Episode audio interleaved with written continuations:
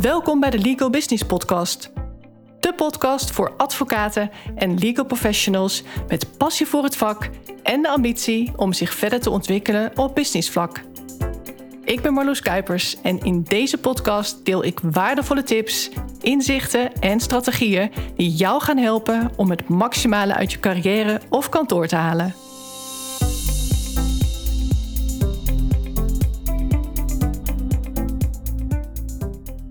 Normaal duik ik eigenlijk meteen de inhoud in, maar nu even een wat andere intro. Ik ben namelijk in het buitenland. En het zou daardoor kunnen zijn dat deze aflevering iets anders klinkt dan je gewend bent. Ik gebruik normaal een grote en vrij zware microfoon, dus die meeschouwen was niet echt een optie. Dus ik heb een wat kleiner exemplaar bij me. En ik heb geen idee hoe goed die het doet in combinatie met de ruimte waar ik in zit. Het komt nogal precies, niet te veel galm, want dat krijg je als de ruimte te groot is of te kaal qua inrichting.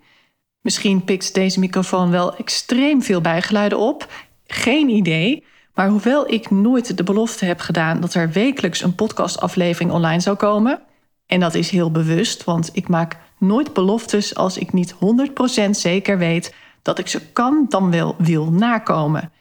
Maar de intentie was en is wel degelijk om wekelijks een aflevering te produceren. In ieder geval voor een behoorlijke tijd. Dus wat dat betreft is mijn missie eigenlijk al wel geslaagd, want ik ben al een hele tijd bezig. Maar het is toch best vaak een uitdaging. Zoals ook nu. Goed internet in het buitenland is een onzekere factor. Waar je precies terechtkomt is onzeker. Hoeveel bijgeluiden er zijn, ook dat heb je minder in de hand. Maar ik probeer wel alles aan te doen om die consistentie vast te houden. Dus zo ook vandaag. Waar ga ik het met je over hebben? In deze aflevering wil ik het met je hebben over het fenomeen Kill Your Darlings. Deze kreet komt eigenlijk uit de schrijverswereld. Het betekent dat je, hoezeer je als schrijver ook waarde hecht aan jouw eigen woorden, de kracht hem toch vaak zit in het durven schrappen. Het schrappen van favoriete zinnen of zelfs hele scènes, omdat ze toch niet bijdragen aan het eindresultaat. En daar zit ook de link met ondernemen. En daarom wordt deze slogan ook zoveel gebruikt in ondernemersland. Het geeft aan dat je soms toch afscheid moet nemen van dingen die je dierbaar zijn in je bedrijf. Waar moet je dan zoal aan denken? Bijvoorbeeld aan diensten of producten die weliswaar goed lopen, maar misschien toch niet meer zo goed bij je passen. Het kan ook zijn dat je bepaalde klanten bedient die je eigenlijk bent ontgroeid. Het valt me op dat sommige advocatenkantoren, na laten we zeggen vijf of tien jaar ondernemen, nog exact dezelfde dingen doen dan toen ze startten. En wat deden ze dan vaak toen ze startten? Alle zaken innemen die er maar binnenkwamen. Niet heel kieskeurig zijn in ieder geval. Elke zaak is er één en ze bevonden zich toen ook nog niet in de luxe positie om te kiezen. Nou zeg ik niet dat je wanneer je start met je kantoor niet meteen zou kunnen selecteren aan de poort, dat je niet kieskeurig zou moeten zijn of zou kunnen zijn. Maar ik begrijp wel heel goed dat advocaten er dan voor kiezen om eerst maar eens een volle praktijk te krijgen. Eerst focussen op kwantiteit en daarna komt die kwaliteit wel. Daarmee bedoel ik niet de kwaliteit van jouw dienst, want ik mag toch hopen dat je altijd streeft naar hoogwaardige dienstverlening. Maar het is wel zo dat niet elk type zaak of elk soort cliënt evenveel van je vraagt. You can only be as good as your client allows you to be. Dat vind ik een hele mooie uitspraak. Als je een zaak op halve kracht kunt winnen, dan ga je niet het uiterste van jezelf vragen. Dat zou ook onzinnig zijn. Totaal niet efficiënt en ook onnodig. Dus wellicht heb je een praktijk die onbedoeld is gevuld met zaken waar je eigenlijk vrij geroutineerd mee uit de voeten kunt die niet heel veel van jou vragen. Of die inmiddels niet meer zoveel van je vragen. En dat kan twee dingen betekenen. Allereerst, je haalt daarom weinig voldoening uit je werk. En ten tweede, je baalt daarvan. Of je bent vooral gewend geraakt aan dat gemak. In het kader van elk nadeel heeft zijn voordeel. Het gevaar is dan ook dat het dan soms heel lastig voelt om op een later moment het roer alsnog om te gooien want dan hebben we een voorbeeld van kill your darlings. Waarschijnlijk voelen de cliënten die je bedient heel comfortabel. Die zaken komen misschien ook wel vrij moeiteloos bij je binnen. Waarschijnlijk zijn die zaken ook niet het meest uitdagend. Je weet dus dat je het er met gemak bij kunt doen. Enerzijds vind je dat misschien jammer, want je mist uitdaging. Het is wel heel veel van hetzelfde. Maar anderzijds is het ook wel makkelijk verdienen. Ben ik een beetje warm? Dat soort zaken is dan een darling geworden. Je hecht er toch veel waarde aan. Je wilt het liever niet loslaten. Het is toch een lekkere basisomzet. Daar hoef je maar weinig voor te doen voor je gevoel. Maar heb je dan wel het kantoor dat je voor ogen had toen je begon aan jouw ondernemersavontuur? Ondernemen is vrijheid. Je kunt elke dag opnieuw kiezen. Het roer omgooien, dingen uittesten, met dingen stoppen en met iets nieuws beginnen. Maar dat vraagt wel om lef. Je moet durven kiezen. Je moet durven kiezen voor wat je eigenlijk het liefste zou willen. En daarvoor heb je allereerst tijd en energie vrij te maken. Je kunt niet alles doen, dus je zult dingen moeten loslaten om vervolgens iets nieuws te kunnen oppakken. Als je nu 100% van jouw tijd vult met het bedienen van jouw huidige cliënten, terwijl dit niet is waar je uiteindelijk naartoe wilt, dan gaat dit altijd zo blijven. Je hebt zelfs geen tijd om na te denken over de toekomst. Of je eigenlijk wel blij wordt van wat je aan het doen bent. Als je onderneemt of stappen zet in jouw carrière, dan zul je altijd ook tijd moeten maken om te reflecteren. Wat ben ik aan het doen? Waar wil ik naartoe? Doe ik dan wel de juiste dingen? Moet ik misschien bepaalde keuzes maken? En dan zeg ik: kill your darlings om er uiteindelijk iets veel mooiers voor terug te krijgen. Ik zie dat veel met toevoegingen. Veel kantoren hebben er een haat-liefde verhouding mee. Al werken de meeste kantoren waar ik mee werk niet met toevoegingen trouwens. Maar de kantoren die dat deels nog wel doen, die willen daar enerzijds heel graag mee stoppen, maar vinden dat anderzijds toch ook wel weer lastig. Vooral om het echt los te laten.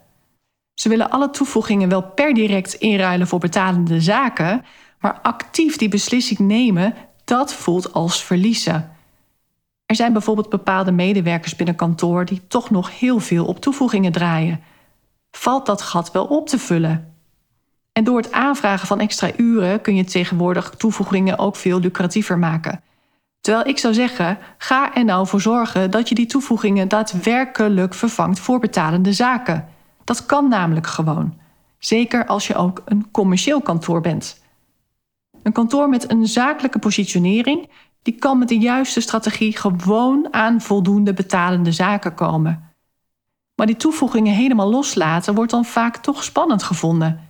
Het wordt toch gezien als een darling, iets wat dan op de een of andere manier toch dierbaar is. De uitbetaling is vlot en je hoeft er geen acquisitie voor te doen. Dat wordt vaak als een groot voordeel gezien en dat is vaak ook de reden om het te blijven doen. En niet zozeer omdat ze willen dat een ieder recht heeft op goede rechtsbijstand. Want die hoor ik niet zo vaak. Want dat recht dat is er natuurlijk ook. En daar zijn ook advocaten voor. Het is alleen wel een heel ander verdienmodel, de sociale advocatuur. En je ziet ook dat de werkwijze van die kantoren heel anders is. Dat is ook nodig om het rendabel te maken. Want als je niet begrenst hoe vaak iemand belt of mailt, dan kan een toevoeging nooit uit. Ik hoor van alle advocaten dat toevoegingszaken vaak veel tijdrovender zijn dan betalende zaken. En dat is omdat die cliënten niet van al jouw werkzaamheden een declaratie ontvangen. Maar als je wilt groeien met jouw kantoor, een hogere omzet wilt of uitdagendere zaken wilt binnenhalen, waarom kies je dan niet voor de echte oplossing? En dat is leren om beter te worden in ondernemen. Je hebt die stap richting het ondernemerschap gezet, maar dat is een vak apart. Een goede advocaat zijn maakt je nog niet tevens ook een goede ondernemer. Ga ervoor zorgen dat je ook beter wordt in ondernemen. Ga slimme keuzes maken en durf ook te kiezen. Als je kiest voor iets nieuws, dan moet je het oude vaak loslaten. Ook als dat soms voelt als zonde of zelfs pijnlijk. Laat ik een voorbeeld noemen. Een advocaat-ondernemer die ik coach had heel begrijpelijk moeite om niets meer te doen met haar specialisme arbeidsrecht. Hoewel ze daar de grootjes voor heeft gevolgd. En dat was toch een forse investering in tijd, geld en energie. Maar als blijkt dat haar passie daar niet ligt, en daar kwamen we achter, dan is het niet zonde om daarmee te stoppen. Sterker nog, ik zei tegen haar: je hoeft niet je hele leven hetzelfde te doen. Juist het inzicht dat jouw hart niet bij de arbeidsrechtpraktijk ligt, Maar ergens anders, dat is een waardevol inzicht. Ze weet nu namelijk heel goed wat ze wel wil. En zolang ze zich ook bezig blijft houden met dat arbeidsrecht, zal ze vaker nee moeten zeggen tegen cliënten die een beroep op haar doen met een zaak binnen het rechtsgebied waar haar hart wel ligt. Datgene waar ze zich nog verder in wil gaan specialiseren. Ze gaat zelfs een nieuwe grootjesopleiding volgen. Zij heeft haar passie dus gevonden en dat is heel veel waard. Terwijl er zoveel advocaten zijn die dat niet weten. Zoveel professionals die geen idee hebben waar ze nou echt blij van worden. Dat is pas vervelend. Dat is pas een probleem. Tussen aanhalingstekens dan, want alles is natuurlijk relatief. Maar elk ambitieus persoon met de drive om ergens succesvol in te worden. Dat staat niet gelijk aan ergens rijk mee willen worden trouwens. Rijk in de zin van per se heel veel geld willen verdienen. Maar wel een rijk leven in de zin van voldoening en geluk ervaren. Waarbij geen geldzorgen hebben natuurlijk wel een hele belangrijke rol speelt. De Engelse taal maakt hierin een mooi onderscheid door de woorden rich en wealthy te gebruiken.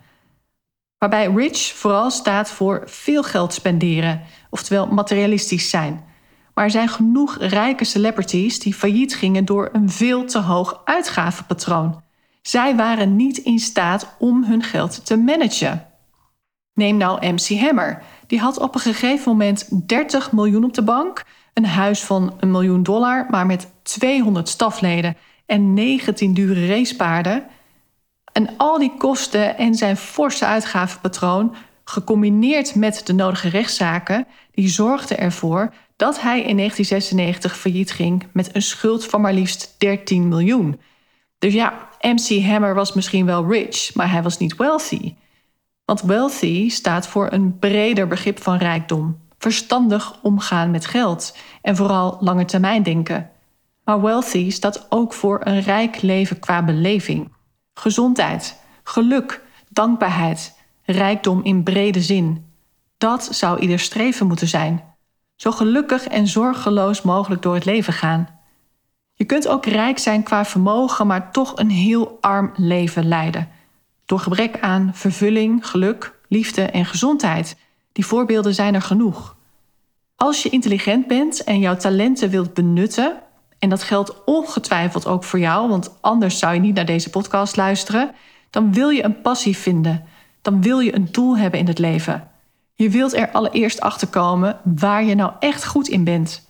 Maar het moet ook iets zijn waar je je met veel plezier mee bezighoudt en waar je voldoening uit haalt.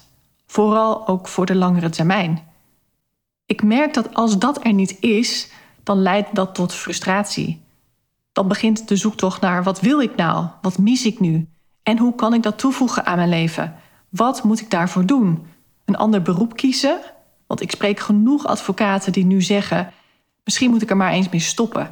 Ik ben nu al zo lang advocaat, maar ja, ik heb geen idee wat ik anders moet doen. Dat is geen fijne gedachte. Dat zorgt voor onrust. Dus als jij die helderheid wel hebt, jij weet wel wat je wilt, wees dan vooral blij en heb geen spijt van het feit dat je daarvoor dingen hebt moeten loslaten. Of wellicht sta je nu wel op dat punt, het punt van waar wil ik naartoe? Waarbij je misschien denkt dat je bepaalde dingen niet wilt of niet kunt loslaten. Maar misschien is dat juist wat je nu wel te doen staat. Kill your darlings. Dat geldt ook voor topsporters. Ik maak die vergelijking vaker, de advocatuur en topsport. Want je hoort zo vaak dat topsporters zich in meerdere sporten hebben ontwikkeld. Of zich binnen dezelfde sport met verschillende disciplines bezig hielden, maar uiteindelijk toch zijn gestopt met heel veel dingen. Om zich te kunnen focussen op datgene waar ze het meeste talent voor bleken te hebben. Voor datgene waar ze toch net wat meer plezier aan beleefden. Voor datgene waarbij de kans op het behalen van een medaille net wat groter was. Neem nou schaatsen. Je hebt lange en korte baan schaatsen, shorttrack, kunstrijden, marathonschaatsen, schoonrijden, etc. Maar dat geldt ook voor bijvoorbeeld zwemmen en fietsen.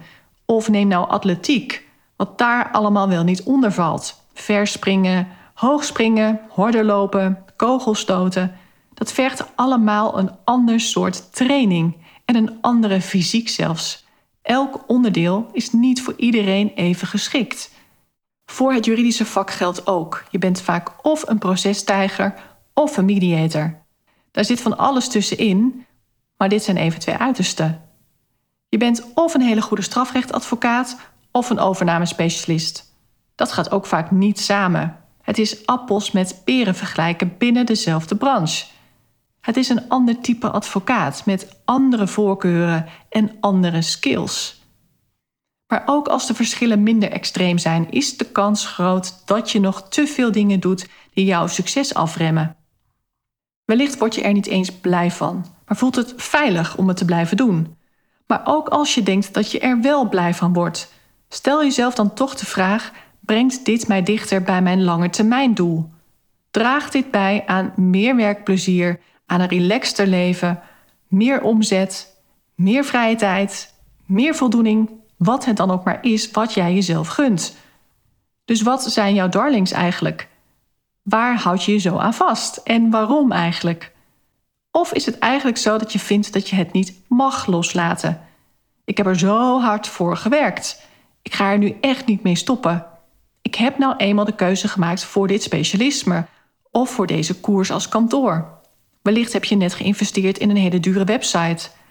Maar als dit het niet is, als je nu al weet dat bepaalde dingen die je nu doet niet bijdragen aan jouw ideale situatie, aan jouw ideale carrière of kantoor, dan moet je misschien toch eens overwegen om met een beetje pijn in het hart of misschien vooral met wat angstzweet ergens toch mee te durven stoppen. Pas als je dingen loslaat, komt er ruimte voor iets nieuws. Je kunt geen specialist worden als je nog een te algemene praktijk runt. Een specialist worden is sowieso ook lucratiever. Specialisten verdienen over het algemeen meer geld. Denk maar aan een neurochirurg of cardioloog ten opzichte van een huisarts of een algemeen chirurg. Specialiseren, ergens heel goed in worden, dat kost tijd en geld. En daarom is het uurtarief van specialisten ook terecht hoger. Zij hebben uniekere kennis en kunnen meer bereiken in een uur dan een generalist die hetzelfde vraagstuk moet oplossen. Als je nu nog te veel te klagen hebt, wellicht heb je vaak van doen met veel eisende of slecht betalende cliënten, of zaken die je niet zo boeiend vindt, of die jou te veel energie kosten, dan is het slim om kritisch te kijken naar wat je doet en wat jou daarvan eigenlijk niet meer dient. Misschien moet je een hele andere strategie gaan toepassen om aan cliënten te komen. Cliënten uit het hogere segment gaan aantrekken. Of cliënten die actief zijn in een specifieke niche. Datzelfde geldt voor zaken die jou niet meer uitdagen. Dan moet je gaan nadenken over hoe je die uitdagende zaken wel naar je toe gaat trekken. Want ze zijn er wel, die mooie zaken. Alleen krijgt een ander ze nu. Alles is een keuze en ja, dat is niet wat je wilt horen waarschijnlijk, maar ik zei het al in de vorige aflevering. Als advocaat heb je een must-have service. Mensen hebben nou eenmaal een juridisch probleem, iets wat ze opgelost moeten hebben. Je verkoopt als advocaat geen designerkleding, waarbij er ook een optie is om naar de Zara of de H&M te gaan. Je verkoopt geen auto's van meer dan een ton, terwijl er legio goedkopere alternatieven zijn. Ja, natuurlijk, er zijn juridische spelers die concurreren op prijs. Maar die leveren niet wat jij doet. Die leveren geen maatwerk. Die leveren niet die service die jij wel verleent. En als je nu niet volmondig ja zegt, dan doe je iets niet goed. Dan laat je het nog liggen in de uitvoering van jouw dienstverlening. En dan maakt dat dat je vervangbaar bent. Dat maakt dan dat potentiële cliënten denken dat ze bij een goedkope, vaak online speler, hetzelfde kopen als bij jou. Misschien zien jouw huidige cliënten het verschil niet eens. En is dat waarom er zo vaak gemopperd wordt over de declaratie? Dan moet je allereerst jouw dienst gaan verbeteren. Of de klantbeleving gaan verbeteren. Of wellicht afscheid nemen van dit soort cliënten. Om juist voor die cliënten te kiezen die wel het verschil zien. Die wel op zoek zijn naar die toegevoegde waarde zoals jij die levert. Dan ga je waarschijnlijk ook veel meer plezier beleven aan jouw vak want uiteindelijk willen we allemaal gewaardeerd worden. Het gaat allemaal om voldoening en erkenning. En door de angst voor verandering kun je jezelf dat geluk wel eens ontzeggen. Nou ben ik natuurlijk heel benieuwd geworden naar jouw darlings. Wellicht ben je daar nu over aan het nadenken. Waar houd jij je nu nog aan vast, wat je eigenlijk los zou moeten laten? Wat dient jou eigenlijk al lang niet meer? Mocht je daarover twijfelen, wat ik mij kan voorstellen, dan help ik je graag een handje in dat denkproces. Er zijn waarschijnlijk maar een paar scherpe vragen voor nodig om die duidelijkheid te krijgen. Mocht je graag helderheid willen over of hetgeen je nu doet wel bijdraagt aan jouw ideale toekomst, dan kun je een meesterschapscall aanvragen. Helemaal vrijblijvend. Dan denk ik met je mee over wat voor jou nou de beste stap is om nu te zetten. Ik zou zeggen, ga even naar de show notes. Daar vind je mijn contactgegevens en daar staat ook hoe je die meesterschapscall kunt aanvragen. Mocht er nou een onderwerp zijn waarvan je denkt: ik hoop dat Marloes daar eens een aflevering aan wijdt, dan kun je me dat natuurlijk ook laten weten. Ik maak deze aflevering niet zozeer voor mezelf, maar voor jou. Dus als je een prangende vraag hebt, laat het mij dan weten. Dankjewel weer voor het luisteren en heel graag tot de volgende keer.